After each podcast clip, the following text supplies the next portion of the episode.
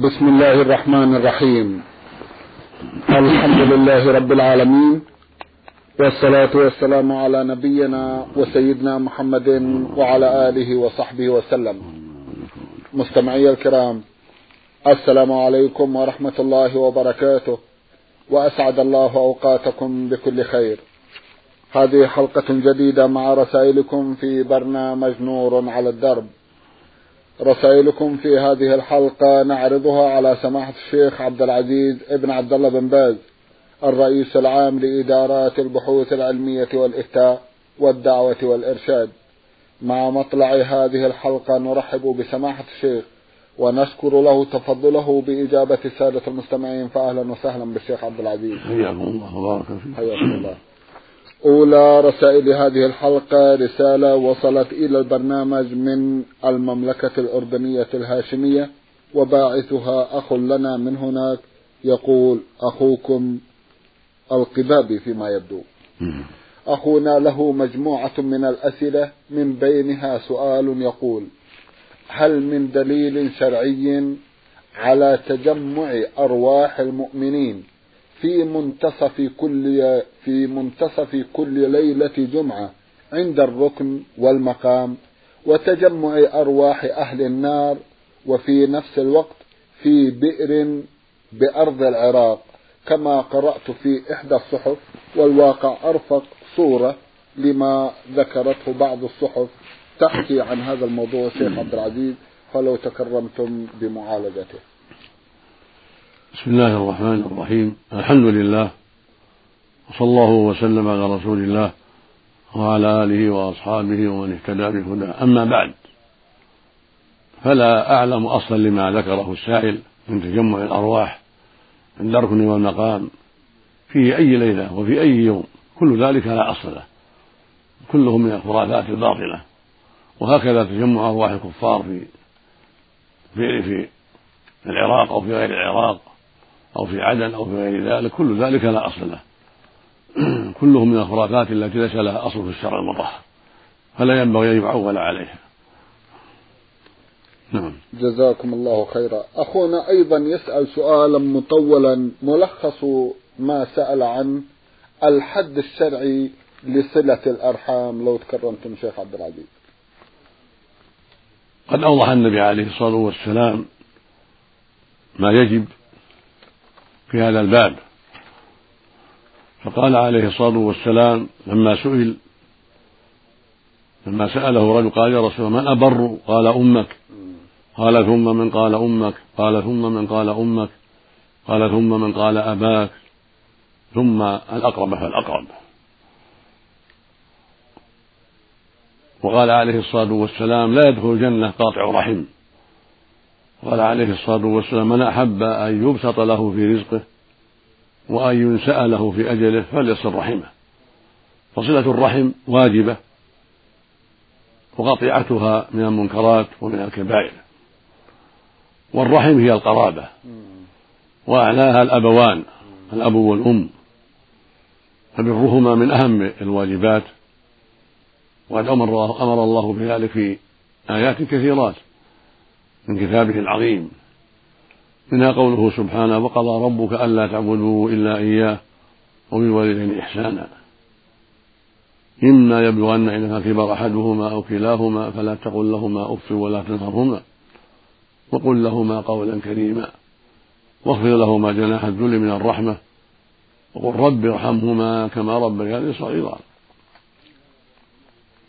ومن هذا قوله ومنه قوله جل وعلا واعبدوا الله ولا تشركوا به شيئا وبالوالدين إحسانا وبذي القربى واليتامى والمساكين. الآية. قوله جل وعلا ووصينا الإنسان بوالديه حملته أمه وهنا على وهن. حملته أمه وهنا على وهن وفصاله في عامين أن اشكر لي ولوالديك إلي المصير. فالوالدان لهما شأن عظيم وبرهما من أهم الفرائض. بالنفقة عليهما إذا كانا محتاجين بالإحسان إليهما بكل أنواع الإحسان بالسمع والطاعة لهما في المعروف بإعانتهما على كل خير بخفض الجناح لهما وطيب الكلام معهما إلى غير ذلك. ثم يليهما الأولاد بعد الوالدين وإن عليا كالجدين وإن عليا بعدهم الأولاد. فالإحسان إلى الأولاد والإنفاق على المحتاج منهم من أهم القربات ومن أفضل الواجبات. ثم ما يلي ذلك من الإخوة والأخوات صلتهم فريضة والإحسان إليهم والإنفاق عليهم إذا كانوا محاويج وقريبهم ذو قدرة. ثم يلي ذلك أولاد الإخوة والأخوات ثم الأعمام والعمات والأخوال والخالات ثم الأقرب فالأقرب. بالإحسان بالكلام الطيب بالإعانة على الخير بالشفاعة في الخير بالزيارة بالكلام المناسب بالتحفي عن حالهم ولو من طريق الهاتف ولو من طريق الرسائل كل ذلك من صلاة الرحم. طيب طيب. والإنفاق على الفقير واجب أيضا مع القدرة. وهو من صلاة الرحم. وفي ذلك خير كثير وفضل عظيم. وقد حذر الله من القطيعة فقال سبحانه وتعالى فهل عسيتم إن توليتم أن تفسدوا في الأرض وتقطعوا أرحامكم؟ أولئك الذين لعنهم الله فأصمهم وأعمى أبصارهم. فالخطر في القطيعة عظيم نعم. والواجب الحذر منها. نسأل الله لجميع المسلمين التوفيق والهداية. نعم. اللهم أمين. جزاكم الله خيرا. إذا كان الطرف الآخر سماحة الشيخ من ذوي الأرحام مقصر بعض التقصير أو ربما يكون معتدي أو ربما يكون سيء في التعامل ما هو موقف الطرف الذي يريد الإحسان؟ الواجب الصلة وإن أساء الطرف الثاني. يقول النبي عليه الصلاة والسلام في الحديث الصحيح ليس الواصل بالمكافي ولكن الواصل الذي إذا قطعت رحمه وصلها. خرجه البخاري في صحيحه فالواصل في الحقيقة وعلى المعنى الأكمل هو الذي يصل رحمه وإن أساءوا وقطعوا ومن ذلك الحديث الآخر رجل قال يا رسول الله إن لي قرابة أصلهم ويقطعونني. وأحسن إليهم ويسيئون إلي وأحلم عنهم ويجهلون علي. فقال له عليه الصلاة والسلام فإن كنت كما قلت لكأنما تسفه المل يعني الرمل الحامي ولا يزال معك من الله ظهير ما دمت على ذلك. يعني ظهير يعني عون عليهم ما دمت على هذه الصلة والإحسان. فالمؤمن يصل أرحامه وإن أساءوا ويطلب الأجر من الله عز وجل. ولا ريب أن الإحسان من أعظم الأسباب في رجوعهم إلى الصواب وتركهم العداء والأذى. فإن الإحسان يغير القلوب والنفوس مجبولة على حب من أحسن إليها. فينبغي المؤمن ألا ييأس وينبغي أن يفعل المعروف. أما إذا كان القريب عنده معاصي عنده سيئات فهذا له حال أخرى. فإذا كان فقيرا ففي إمكان صلته والإحسان إليه مع نصيحته ما هو فيه من الباطل وإنكار المنكر عليه بالحكمة والكلام الطيب والاستعانة في ذلك بأقاربه وأحبابه ومن يعزون عليه حتى يتعاونوا جميعا على إصلاحه وعلى توجيهه إلى الخير. ولا ينبغي أن تقطع عنه الصلة بسبب معاصيه أو كفره. جل الله جل وعلا يقول سبحانه في كتابه العظيم لا ينهاكم الله عن الذين يقاتلكم في الدين ولم يخرجوكم من دياركم أن تبروهم وتقسطوا إليهم. إن الله يحب المقسطين. فالكفار إذا كانوا ليسوا حربا لنا بل بيننا وبينهم صلة بعهد أو ذمة أو أمان وهم فقراء لا مانع من صلتهم والإحسان إليهم. بنص هذه الآية. نعم. وفي الصحيحين أن أسماء بنت أبي بكر الصديق رضي الله عنهما وفدت إليها أمها في وقت الهدنة التي بين الرسول صلى الله عليه وسلم وبين أهل مكة. فقالت يا رسول الله إن أمي وفدت إلي وهي راغبة يعني في الصلة في المواساة والإحسان. أفأصلها يا رسول الله؟ فقال عليه الصلاة والسلام صليها. فأمرها أن تصلها وهي مشركة. لأنها ليست في حال حرب معنا بل في حال هدنة وصلح. فهكذا المؤمن مع أقاربه العصاة ومع أقارب الكفرة إذا كانت الحال ليست حال حرب مع الكفرة بل حال هدنة أو ذمة وهم فقراء يحسن إليهم ويجود عليهم ويتألفهم لعل الله يهديهم بأسبابه. وهكذا العصاة إذا أحسن إليهم وواساهم إذا كانوا فقراء أو شفع لهم فيما ينفعهم. كل ذلك من أسباب هدايتهم من أسباب رجوعهم عما هم عليه من الباطل. فالإحسان لا يأتي إلا بخير. ولا مانع من هجرهم إذا رأى أن الهجر فيه مصلحة. يهجرهم إذا رأى الهجر فيه مصلحة مع المساعدة إذا كانوا فقراء ومحاويل يهجرهم رجاء الهداية. وإذا كان يرى أن هجرهم قد يزيدهم شرا لم يهجر بل يصلهم بالكلام والزيارة لدعوتهم إلى الله لا لاتخاذهم أصحابا وأصدقاء بل لدعوتهم وتوجيههم وتعليمهم والمبالغة في نصيحتهم لعلهم يهتدون. والمقصود أن الهجر نوع من التأديب والاستصلاح.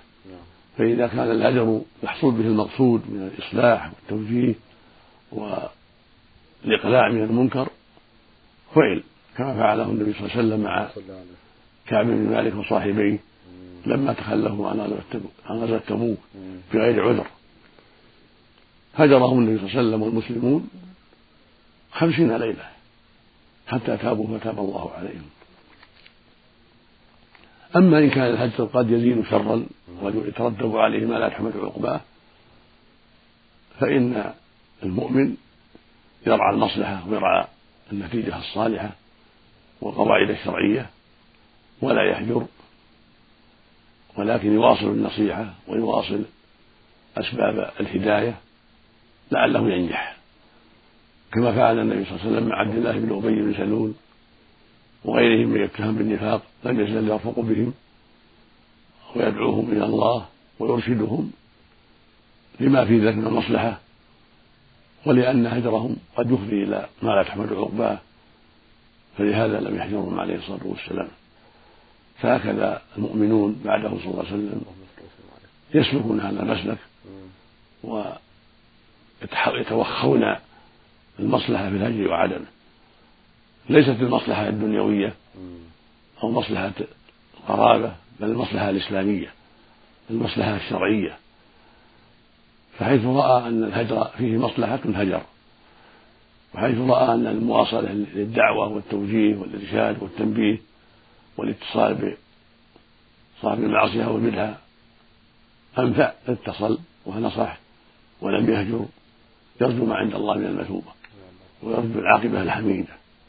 هذا هو المعروف هذا هو معنى ما قرره المحققون من أهل العلم. كأبي العباس بن تيمية وغيرهم من أهل العلم. رحمة الله عليهم.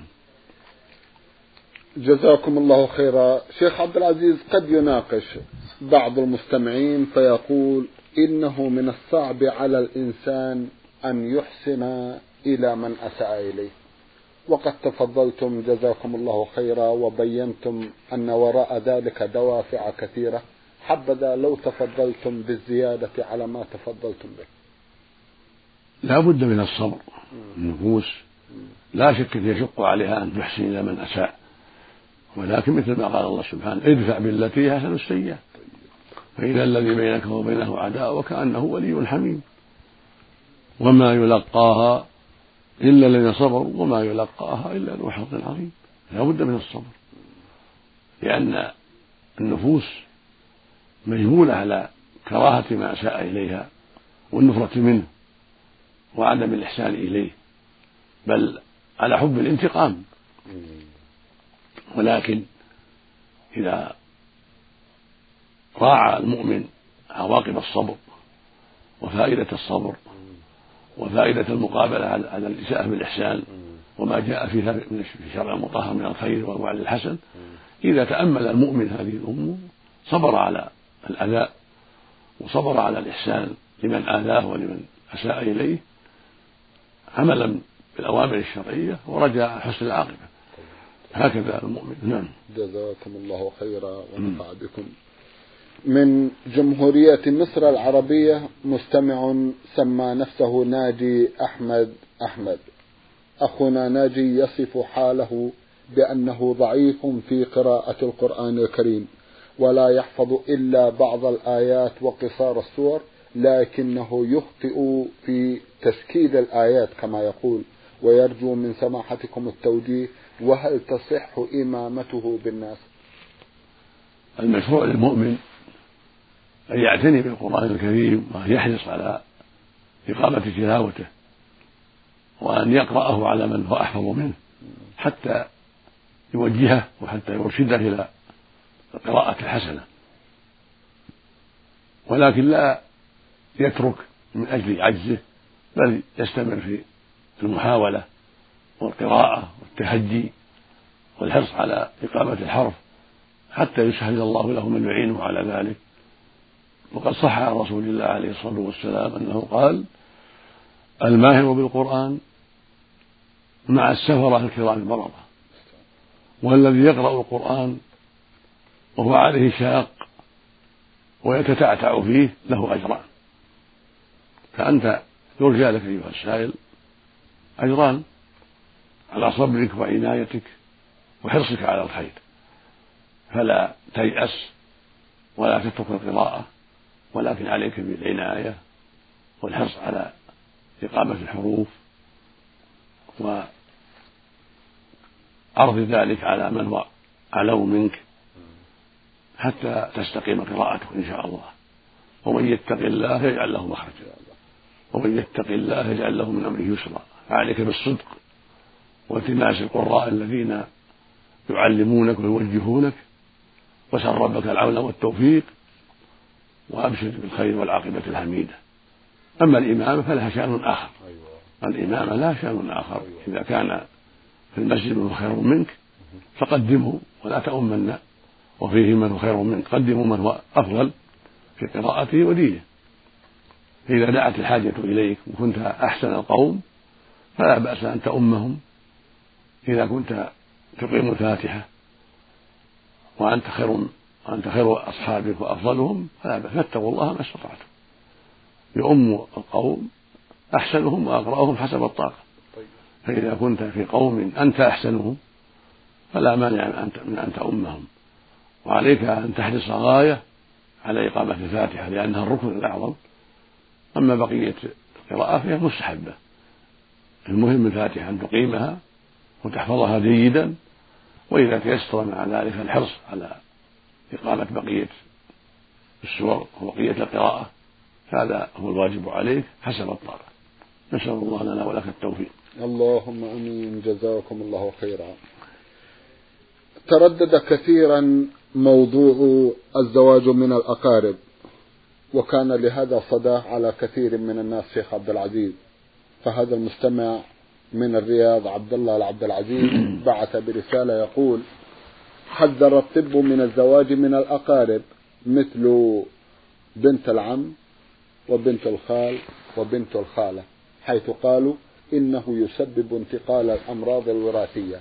ما حكم الشرع في مثل هذا؟ نرجو أن تتفضلوا بالإجابة. جزاكم الله خيرا مع أن الإسلام حدد المحارم وحرمها علينا كما يقول أخونا في رسالته.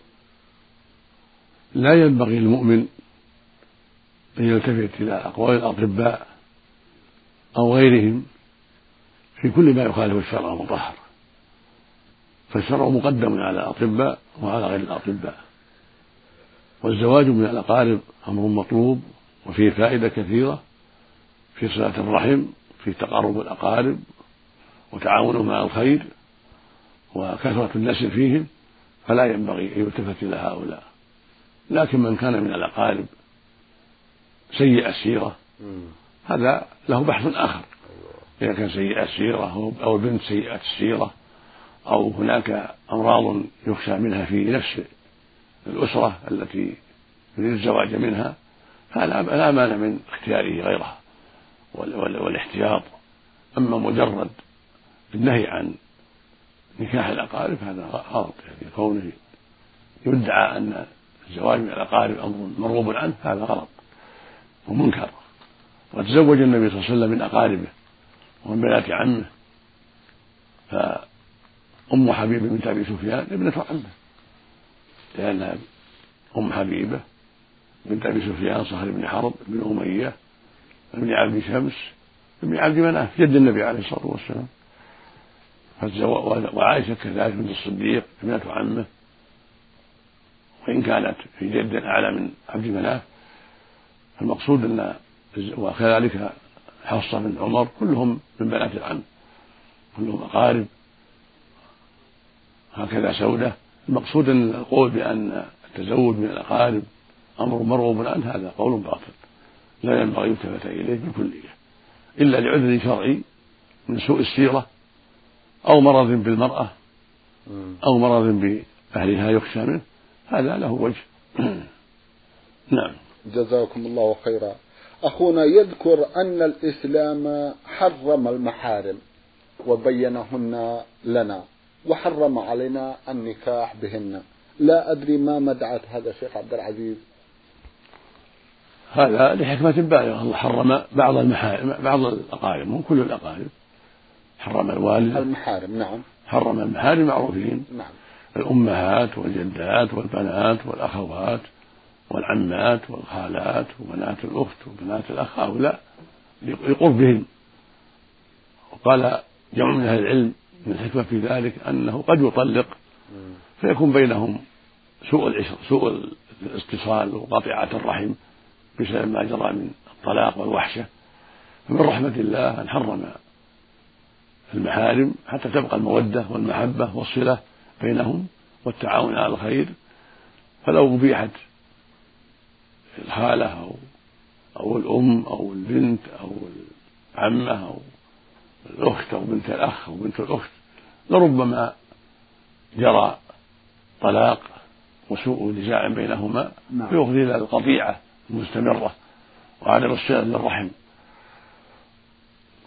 وكذلك في الأم والبنت هي الأخرى كونها ابنته أو أمه كن يفترشها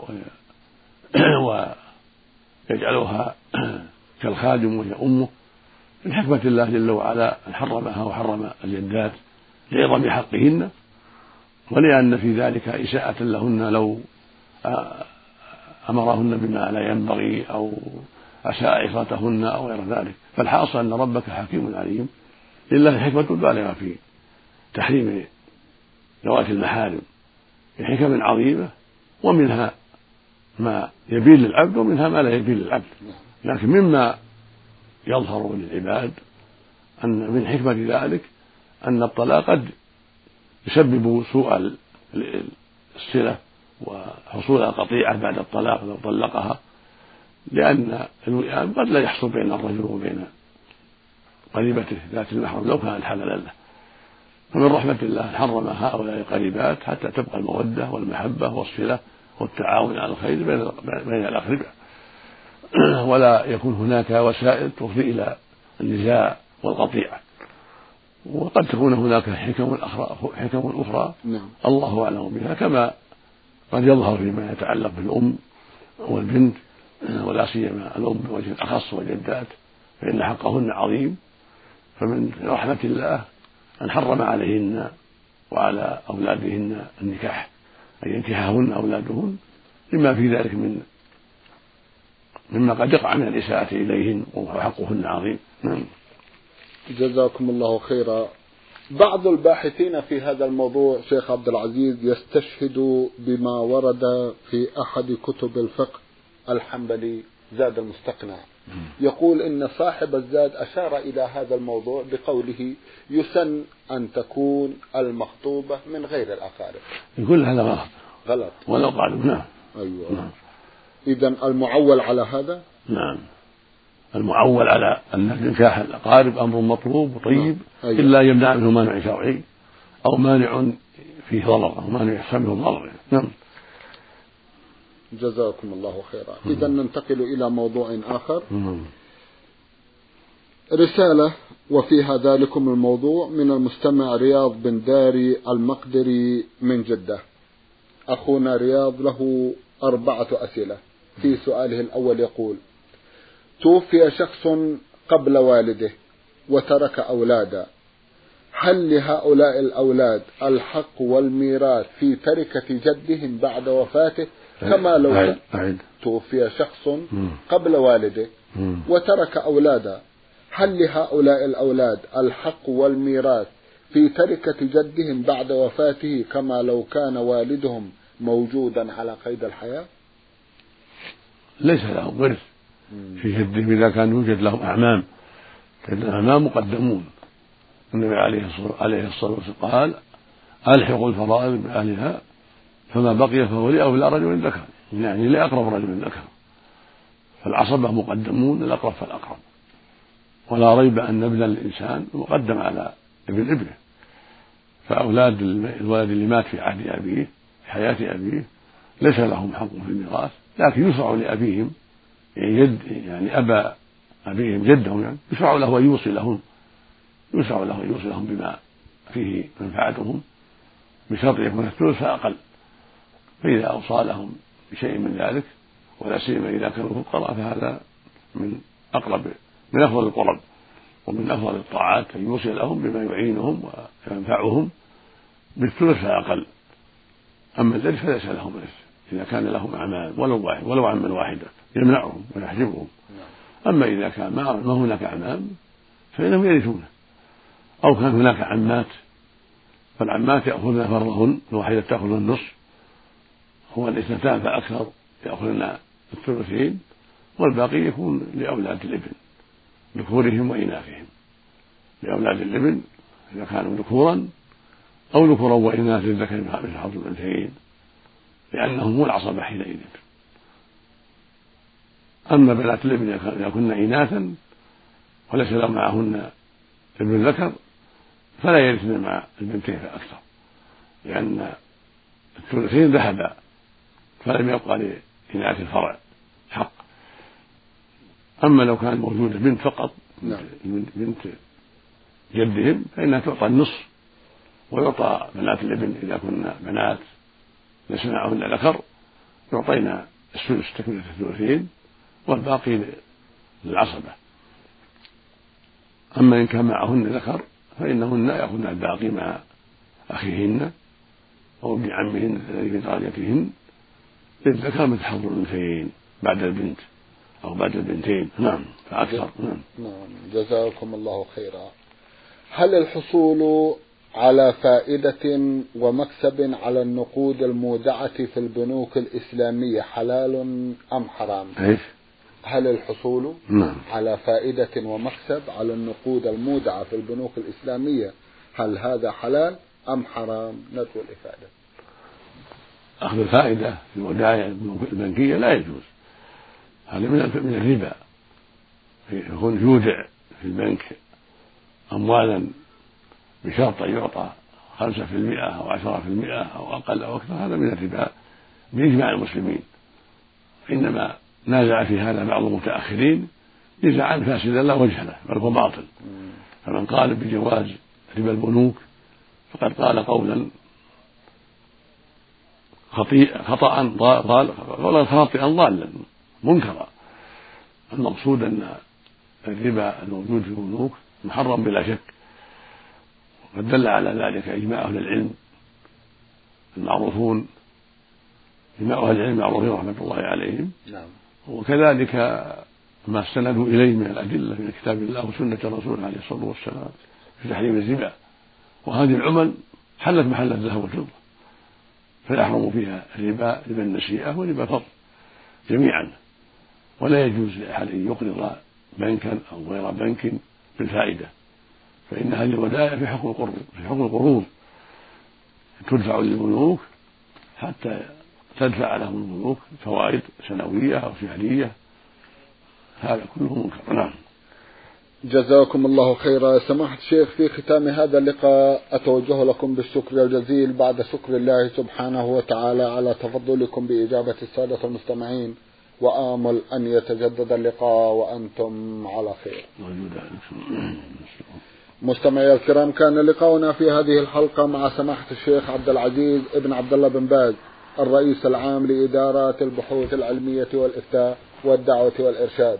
شكرا لمتابعتكم وإلى الملتقى وسلام الله عليكم ورحمته وبركاته.